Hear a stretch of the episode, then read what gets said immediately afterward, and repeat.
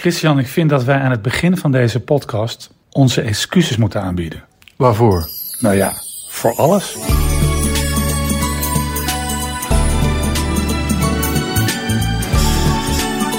Welkom lieve luisteraars bij weer een nieuwe aflevering van de trouwpodcast De Roomse Loper. Ik heet Christian van der Heijden. En ik heet Stijn Vens.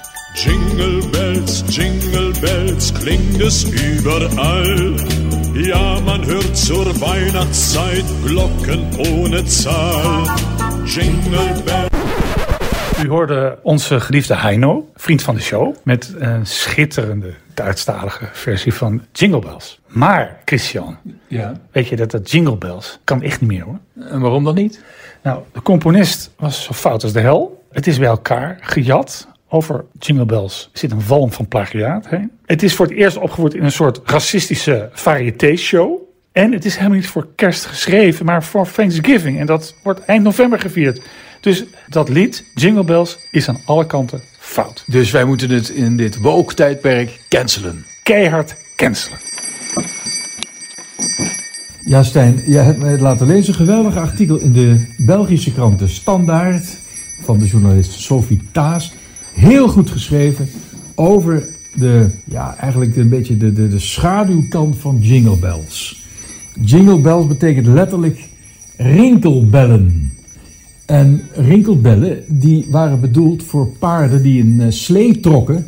En als, als er sneeuw lag, dan kon je de paardenhoefjes niet horen. En als je dan op een kruispunt kwam, nou dan, dan kreeg je botsingen. Maar met die, met die rinkelbellen, die jingle bells, kon je die paarden aan horen komen. Dus dat is, dat is ook wel eens leuk om dat gewoon even uit te leggen. Ja, ik citeer Sophie Taas. Geen kerstlied, scusi, klopt edelachtbare. En de bewijslast is niet min. Is daar bijvoorbeeld de verwarring van een winterscène en kerstgebeuren? Jazeker, er wordt wat afgedold in sleeën en besneeuwde landschappen. Maar er valt in de vier strofen van het origineel geen gebraden kalkoen of dennenboom te bespeuren. De Amerikaanse songwriter James Lord Pierpont zou de One Horse Open Sleigh, zoals het lied oorspronkelijk heette, geschreven hebben voor Thanksgiving 1857. Eerst seizoensfavoriet in chique salons, werd Jingle Bells in de daaropvolgende decennia door thuisfiedelaars en schoolkoren richting kerst gejoeld, waar het voortaan met één coupletje in de veenbessenkoelie zou blijven kleven. Einde citaat. Nou, het kwalijkste bijsmaakje, ik moet toch even, ik, ik kan het wel zelf gaan vertellen, maar Sophie Taas schrijft dit zo mooi. Dan lees ik het toch maar even voor eh, Christian. Het kwalijkste bijsmaakje van Jingle Bells moet dan nog komen, schrijft Sophie dreigend. Voor Black Lives Matter activisten is het lied immers een schoolvoorbeeld van de manier waarop cultuurfenomenen met racistische roots zich als onverdachte traditie een weg naar het collectieve geheugen hebben gebaand. Pierpont, zoon van een abolitionistische predikant, schaarde zich in de Amerikaanse burgeroorlog aan de zijde van de geconfedereerden. En dan schrijft Sophie over de eerste opvoering van Jingle Bells. En die zou hebben plaatsgevonden tijdens een minstrel show. Een vaudeville met racistische karikaturen, parodieën en sketches. Het lied werd opgevoerd, en dan komt het, in de sectie Dandy Darkies. Dus we spreken dat, ja, dandy... Zwarte. Zwartjes eigenlijk, hè? Ja, Zoiets. Waarin witte zangers aantraden in blackface. Het toneel van dat alles, Ordway Hall en Boston, was de hotspot voor wie eens stevig wilde schudden buiken op de kap van de gekleurde medemens. Dus dan wordt er een beeld geschetst van eh, zwarte mensen die in het noorden van, eh, van Amerika de gebruiken van de, van de witte overnemen. En eigenlijk zijn die eh, zwarte sleerijders alleen maar geïnteresseerd in seks met een meisje in die slee. Ja. Dat dat- dat- daar gaat het een beetje over, hè? Jingle bells, jingle bells, jingle all the way. Oh, what fun it is to ride in a one horse open sleigh. Jingle bells, jingle bells, jingle all the way. Oh, what fun it is to ride in a one horse open sleigh. Dashing through the snow in a one horse open sleigh. Of the fields we go, laughing all the way. bells on bobtail ring, making spirits bright. What fun it is to ride and sing a sleighing song tonight. Jingle bells, Now the ground is wide, go it while you're young. Take the girls tonight, sing this sleighing song. Get a bobtail bay. Bobtail bay, dat is dus een, een bruin paard met een, eh, een ingekorte staart. 240 for his speed. Dat wil dus zeggen dat, ehm, dat je 2 minuten en 40 seconden deed over 1 mijl, dat is ongeveer eh, 32 km per uur. And hitch him to an open sleigh and you will take the lead. Het klinkt allemaal heel onschuldig, maar binnen die context van die minstrelshows ja, zit, er een, eh, zit er een eh, hele foute lucht aan deze muziek. Ja, nu we toch helemaal in een eh, woke stand staan, Stijn, kunnen we ook niet de kerstboom cancelen. Want grote kerstbomen die worden omgezaagd in natuurgebieden, kan natuurlijk ook niet meer. Nou, nu, dan ga je wel heel ver. Kijk, ik ben, ik ben net bekomen van de schrik over Jingle Bells. Ja. En dan de kerstboom ook weg. Dan blijft er alleen nog maar het stalletje over. Ja, maar er was wel gedoe eh, met de kerstboom die bestemd voor, eh, was voor het Sint-Pietersplein. Die is er uiteindelijk wel gekomen. Eh, maar de milieubeweging die deed daar heel moeilijk over. Wat was er nou precies aan de hand? Nou, je hebt in Rome altijd de grote tweestrijd zo in deze tijd van het jaar tussen de kerstboom van de gemeente Rome, die staat op de Piazza Venezia, en die van het Vaticaan van de Paus. Die staat natuurlijk prachtig op het Sint-Pietersplein, met daarom altijd een mooie kerstgroep, bijna, bijna een kerstdorp. Nou, vaak eh, de laatste jaren was het eigenlijk steeds de kerstman van het Vaticaan die de wedstrijd won. Dat kwam onder meer door een kerstboom, ik geloof een jaar of vijf geleden, die de, eh, de gemeente Rome geloof ik ergens op de kop had getikt, die al toen hij net stond begon uit te vallen. En die werd toen Spelacchio genoemd. Ja, ze is als kale koppie. Ehm, nou, dat was, dat was schande voor Rome. Iedereen sprak daar schande van. Het was een grote ramp. Dit jaar is de situatie eigenlijk een beetje omgekeerd. Wat was het geval? Ehm, de, ik, ik heb het vorige week zelf met eigen ogen gezien. Die kerstboom van de gemeente is heel mooi. Goed vol. Zeker s'avonds is hij prachtig. En hij loopt op zonnepanelen. Dus dat is duurzaam, zou je kunnen zeggen. En wordt hij weer gesponsord door Netflix, zoals de voorgaande jaren? Nee, nu niet door Netflix. Maar er zijn ook bijvoorbeeld een, eh, kunsthistorici die vinden dan dat die zonnepanelen dat hele Piazza Venezia naar beneden halen. Of in de was. Is wel een beetje zo. Is, is wel een beetje zo. Terug naar Vaticaan. Dat Vaticaan heeft nu, eh, daar waren nu problemen met de kerstboom. Wat was het geval? Het was het idee dat de regio Abruzzen, hè, die ligt een beetje ten oosten van Rome, een mooi berggebied, prachtig, daar kan je heerlijk eh, wilde zwijn eten. Ehm, die zou dan die boom leveren. Nou, nu hadden ze wel een boom op het oog, maar wat was het probleem? Die stond eigenlijk op het grondgebied van de regio Molise. En daar was geen kapvergunning voor. Nou, dan hebben ze toch uiteindelijk een boom gevonden. Nou, dus die mochten ze niet hebben. Toen hebben ze uiteindelijk toch weer een andere boom gevonden. Nou, ik heb hem gezien, het valt gewoon een beetje tegen. Hij is een beetje smal. En bovendien hebben, zijn hebben ze er lichtjes in gehangen die aan en uit gaan. Nou, ik heb erbij gestaan, ik werd er dood nerveus van. Dus in de eeuwigdurende strijd tussen de kerstboom van de stad Rome en de Heilige Stoel, de paus, heeft eh, Rome een voorsprong genomen. En als ik dan die, als je in Rome loopt, maar ook als je hier gezellig door dit gebouw waar we dit, deze podcast opnamen, staan ook kerstbomen. Ik vind het gezellig. Het hoort bij kerstmis. Het is er al tien eeuwen lang, die kerstboom. Nee, nee, nee, wacht even. Dat is dus het grote misverstand. Eh, mm, de kerstboom zou teruggaan op oude Germaanse gebruiken. Dat is heel lang eh, de mare geweest. Zou teruggaan op oude Germaanse rituelen. Nou, dat is allemaal de verzinsel van de romantische beweging in Duitsland. Dus in de 19e eeuw heeft de kerstboom van eerst vanuit de Elzas, daarna het Rijnland, eigenlijk de hele wereld veroverd. Uh, de kerstboom is van Duitse oorsprong, maar het is ook heel erg verbonden geweest in die begin eeuwen, begintijd met Maarten Luther. Generaties kinderen zijn wijsgemaakt dat de kerstboom eigenlijk de christelijke kerstboom, de Christbaum, Tannenbaum, dat die uh, min of meer ingevoerd is in de christelijke cultuur door niemand minder dan Maarten Luther. En hoe komt dat nou? Maarten Luther, die leefde in de 16e eeuw. Er was een, een, een kunstenaar die een kopergravure maakte voor een, kinderboek ten bate van een kinderopvang in het voormalige Augustijnenklooster van Erfurt, hè, waar Maarten Luther zelf had gezeten. En deze eh, kunstenaar die maakte een kopergravure, die heette Schwergeburt, mooie naam. Maar in 1843 maakte hij een schitterend plaatje, want hij, was, hij deed dat voor dat voormalige klooster van Luther, waar het gezin Luther prachtig om de kerstboom heen zit en waar er een tafel is met allemaal geschenken. Nou, wat natuurlijk wel zo is, is dat Maarten Luther die wilde af van de Sinterklaasvieringen. Dat vond hij allemaal heidens gedoe.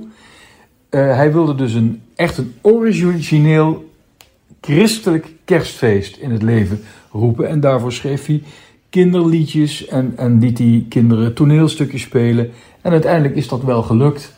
Want eh, zoals heel veel mensen, vooral in Amerika, elkaar cadeaus geven in de kerstnacht. Dat is eigenlijk min of meer een uitvinding van Maarten Luther. Dat wel.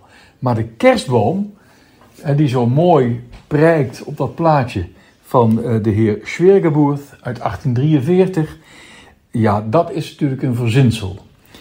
Waar komt dan die kerstboom dan vandaan? Die uh, kerstboom, kijk, het is geen harde wetenschap, dus we weten het nooit helemaal zeker. Maar de meeste geleerden zijn het er wel over eens dat die kerstboom eigenlijk een, een, bepaalde versie is van de paradijsboom. En die paradijsboom, die werd op 24 december uh, werd in een zaal gezet of in een kerk tijdens mysteriespelen, waarbij het paradijsverhaal werd uitgebeeld en verkondigd. Want de 24 december, dat was de naamdag van Adam en Eva. Dat is al heel lang geleden afgeschaft. Maar 24 december was de gedachtenis van Adam en Eva, juist voor de dag van de geboorte van de nieuwe Adam en de dag waarop Maria de moeder zou worden van alle gelovigen. En je weet, Eva betekent de moeder van alle levenden. Nou, toen hadden ze die boom toch staan. En toen hebben ze hem laten staan. En dat werd uiteindelijk de kerstboom. Waarom werd dat een denachtige of een spar? Omdat op 24 december, ja, dan moet je natuurlijk wel een boom hebben die uh, nog blad heeft. Die groen is, een evergreen. Nou, dat, dat, dan, dan heb je al heel snel een naaldboom te pakken. Dat eigenlijk over de kerstboomstein. Ja, maar dan is de andere vraag.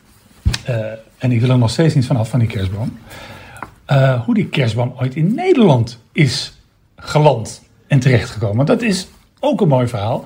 Dat las ik in het, uh, op de site van het Ons Amsterdam. Oh, de, oh dat is fantastisch. Ja, ja heel mooi. Ons Amsterdam. Ons Amsterdam, dat is, dat is al een naam waar je gewoon blij van wordt. Ons Amsterdam. Uh, van Ron van Gelderen. En die schrijft uh, om te beginnen dat kerst rond de kerstboom is een relatief jonge traditie in ons land. En dat Duitse immigranten, let wel, ja, we zijn, we blijven, we zijn een beetje in Duitse sfeer. Duitse immigranten brachten de kerstboom anderhalve eeuw geleden mee naar Amsterdam. En die gewoonte is aangewakkerd door ambitieuze dominees en populair gemaakt door slimme middenstanders. Dus ja, ik denk bij de kerstboom altijd iets van, dat is iets van eeuwen in Nederland, maar het is, dateert pas van het midden van de 19e eeuw. En, en, en bijvoorbeeld de, de oorspronkelijke kerstboomtraditie kwam uit de Elzas, hè? maar ook heel veel uh, uh, kooplieden ja. kwamen ook uit de Elzas. Heeft dat daar ook iets mee te maken? Nou ja, ik wil hier wel even de naam noemen van de Amsterdamse handelaar Herman Nalop. En die heeft zijn leven tussen 1842 en 1846 uh, vastgelegd in een schetsboekje. Ik denk dat daar Ron van Gelder dit verhaal gevonden heeft. En dat is om verklaarbare redenen een van de trendsetters, een van de pioniers van de kerstboom in Nederland. Wat was het geval? Uh, deze Herman Nalop had een Duitse vader en bovendien was zijn zus Anna Beata getrouwd met een Duitser. Nou, als die zus overkomt uit Duitsland voor een familiebezoek in Amsterdam, haalt hij met plezier een boom in huis. Nou, um, dus die entree van de Duitse kerstboom, of ik zeg van de kerstboom, de entree van de kerstboom in Amsterdam en daarmee in Nederland hangt nauw samen met de komst van die Duitse immigranten. De stad telt in 1849, telde in 1849 ruim 7000 Duitse immigranten. Onder wie relatief veel bakkers, klerken, kleermakers en bierbrouwers. Dus de middenstand in, in Amsterdam had een stevige Duitse component. Die de meeste van die Duitse mannen trouwen ook eens met, met Nederlandse vrouwen. En eh, Nederlandse gebruiken worden natuurlijk in ere gehouden. Maar er worden ook enkele nieuwe Duitse gebruiken geïntroduceerd. En dan hebben we het bijvoorbeeld over die schitterende kerstboom. Dat hele, eh, dat hele fenomeen van de Weihnachtsbaum, Weihnachtsbaum, sprak het meest tot de verbeelding van al die nieuwe Duitse gebruiken. Ook al omdat koning Willem III, en die was getrouwd met een, zoals je misschien weet, een Duitse vrouw, Sophie. Die, ja, die twee vierden graag de kerst rond de boom. Hè? En wanneer de half-Duitse families voldoende geld hebben, ik citeer het even, en ruim genoeg wonen, wordt voor, wordt voor kerst een dennenboom opgetuigd met appels, noten, kransjes, kaarsjes en soms ook uitgeblazen eieren. Wat zijn dat, uitgeblazen eieren? Weet jij dat? Je bent culinair. Ja, uitgeblazen eieren, dat zijn eh, eieren waar alleen de schaal van over is. En, en het ei geel en ei, ei wit is uitgeblazen. Nou ja, dus deze, Holle eieren. Dus deze eh, Herman Nalop en, en ook die koning, die, ja, die zaaien eigenlijk eh, eh, de, het gebruiken van de, hè, het gebruik, het, het, wel, het verwelkomen van de kerstboom in Nederland. Nou had je dus ook veel, dus inderdaad veel Duitse middenstanders. Bijvoorbeeld de Duitse bakker C. Nulken. Hoe? Nulken. Ja, ik kan ook niet helpen. Die vestigt zich in 1844 op de Dam. En die zet jaarlijks een kerstboom met kaarsjes en kransjes in zijn winkel. En hij belooft zijn klanten in een advertentie in het Algemeen Handelsblad van 26 december 1846, s'avonds tussen 8 en 10 uur, de luisterrijke illuminatie in een magnifieke kerstboom. Nou, dan volgen andere winkeliers en die adverteren allemaal in het Algemeen Handelsblad. Dat wordt over heel Nederland verspreid, dat Algemeen Handelsblad. Dus zo wordt letterlijk heel Nederland eh, in kennis gesteld van die kerstboom. Daarnaast, en dat moet ik toch ook even vertellen, wordt die introductie van de kerstboom gestimuleerd door protestantse dominees. Zijn er ook niet-protestantse dominees trouwens? Nee. Nee, dat schrijft Ron van Gelder, protestantse dominees. Geweldig stuk trouwens. Zij zien in de kerstboom een fraai vehikel voor de blijde boodschap. Nou, een van de aanjagers, en ik had nog nooit van de goede man gehoord, was dominee O.G. Heldering, predikant in het Betuwse Hemmen. Voorman van de protestantse opwekkingsbeweging Revij. Eh, weldoener voor gevallen vrouwen, nou, ook niet onbelangrijk. En bovendien stamvader van de Amsterdamse ondernemers en bankiersfamilie, waar ook J.L. Heldering uit voortkwam. Aha. Dan ga ik een stukje citeren over die O.G. Heldering, Ja. die dominee in het Betuwse Hemmen. Heldering acht het kerstfeest een goede gelegenheid kinderen vertrouwd te maken met christelijke rituelen. Bovendien verwacht hij dat huiselijk vertier de man des huizes buiten kroeg en bordeel kan houden. Geluk heerst immers daar waar de huisvader afkerig van uithuizigheid. Sorry. Geluk heerst immers daar waar de huisvader afkerig van uithuizigheid elke gelegenheid aangrijpt om met vrouwen en kinderen een schuldloos vermaak te genieten. Ook een lichte afkeer van de voor katholieke heilige Sint-Nicolaas speelt voor Heldering en andere protestanten mee in hun liefde voor het groene boompje. Nou. Dat is prachtig. Maar dat is dus, eh, wat hier dus gezegd wordt, is dat de kerstboom eh, eigenlijk taboe was eh, voor katholieken. Ja, Hè, want het, is, dus het Vaticaan heeft pas een kerstboom op het Sint-Pietersplein staan sinds 1982. Dat is heel laat. In Nederland speelde natuurlijk wel dat Sint-Nicolaasfeest een rol. Die katholieken waren bang dat die kerstboom, die natuurlijk aan populariteit won, en al die huizen kwamen en overal, dus al die winkeletalages kwamen een kerstboom staan, dat Sint-Nicolaasfeest wel eens zou kunnen bedreigen. Dus vandaar dat de katholieken in Nederland terughoudend waren als het ging om kerstbomen. Pas ehm, ja, halverwege de 20e eeuw, dus dan heb je het over de jaren 50 van de vorige eeuw, ehm, zien die katholieken dat die Sinterklaas helemaal niks te vrezen heeft van die kerstboom. En zie je de kerstboom ook in katholieke huishoudens verschijnen met ja, lichtjes en met, eh, met eh, ballen. Ja. Nou, ik vind wel dat die kerstboom echt al heel vroeg oprukt in het jaar. Ja. Want eh, vroeger was het toch ondenkbaar dat mensen een kerstboom in huis haalden voor Sinterklaas. En bij mij op het pleintje stonden ze al een week voor Sinterklaas klaar om verkocht te worden. Nou ja, je ziet toch dat Sinterklaas het toch wel moeilijk heeft als het eh, gaat om de feesten van december. En je ziet eigenlijk dat steeds minder mensen Sinterklaas vieren en veel meer mensen kerst. Ja, en die kerstbomen, dat, die komen al heel vroeg. Ik kan me herinneren dat, dat, je, eh, dat, dat ik in oktober op Schiphol landde en dat ze volgens mij al stonden. Oktober. Ja. Toen, moesten, toen wisten Maria en Jozef nog niet eens van die volkstelling. Nee, ja. maar weet je wat ik nou de ironie v- vind? Maarten Luther, die wilde het kerstfeest kerstenen. Ja. En alle rituelen eh, kerstenen en ontdoen van heidense elementen. En de kerstboom, die speelde in het Lutheranisme een grote rol eh, in de geloofseducatie. Ja. Ja, de paradijsboom. eh, je kon allerlei eh, engeltjes in die kerstboom hangen. Onschuldig vermaak. Waar je het net over had. Maar wat je nu ziet is dat de kerstboom eigenlijk, vind ik hoor, een beetje een, een symbool is geworden van het ontkerstende kerstfeest. Ja, we gaan daarom als eh, makers van de Roomse Loper, eh, en het is nodig, een dringend advies geven.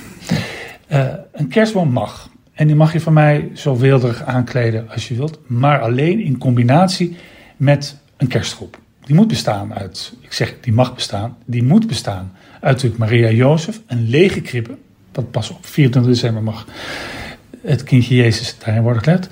Eh, herders, dat mogen er twee zijn, drie zijn, mag wel.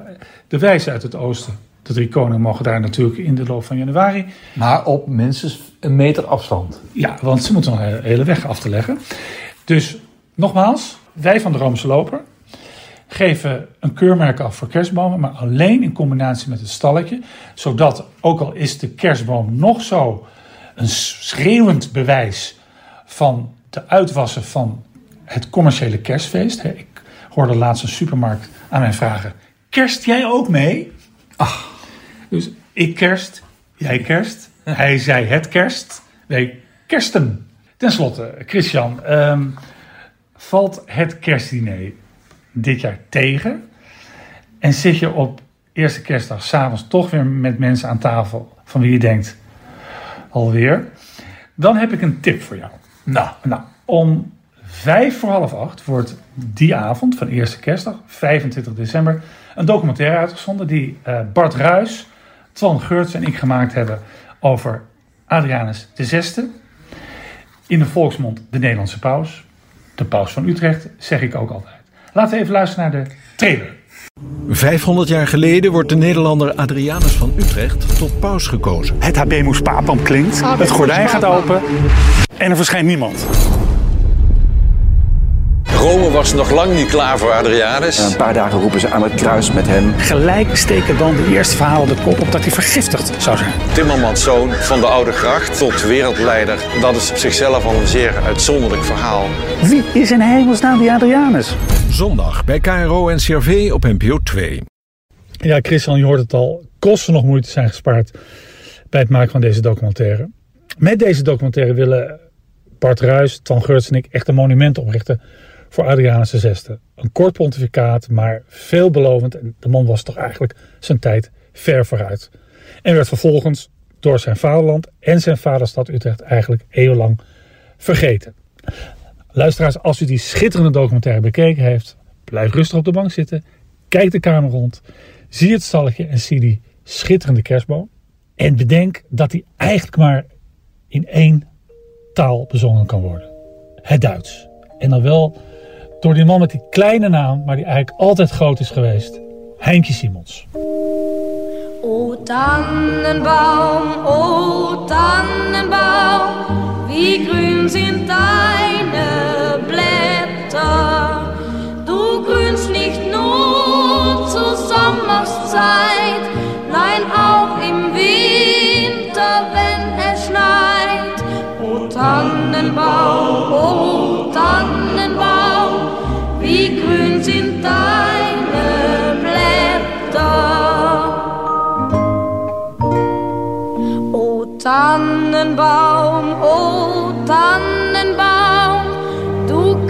mir sehr gefallen. Wie oft hat nicht zur Weihnachtszeit ein Baum von dir mich hoch erfreut. O Tannenbaum, o Tannenbaum, du kannst mir sehr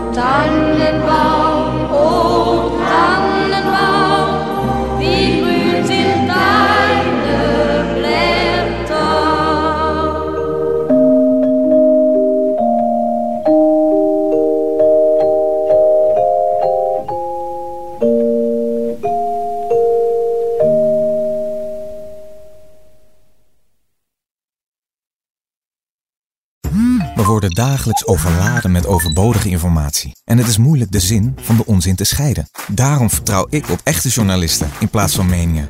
Een krantenmens heeft het gemakkelijk. Word ook een krantenmens en lees je favoriete krant nu tot al zes weken gratis. Ga snel naar krant.nl. Bezorging stopt automatisch en op deze actie zijn actievoorwaarden van toepassing.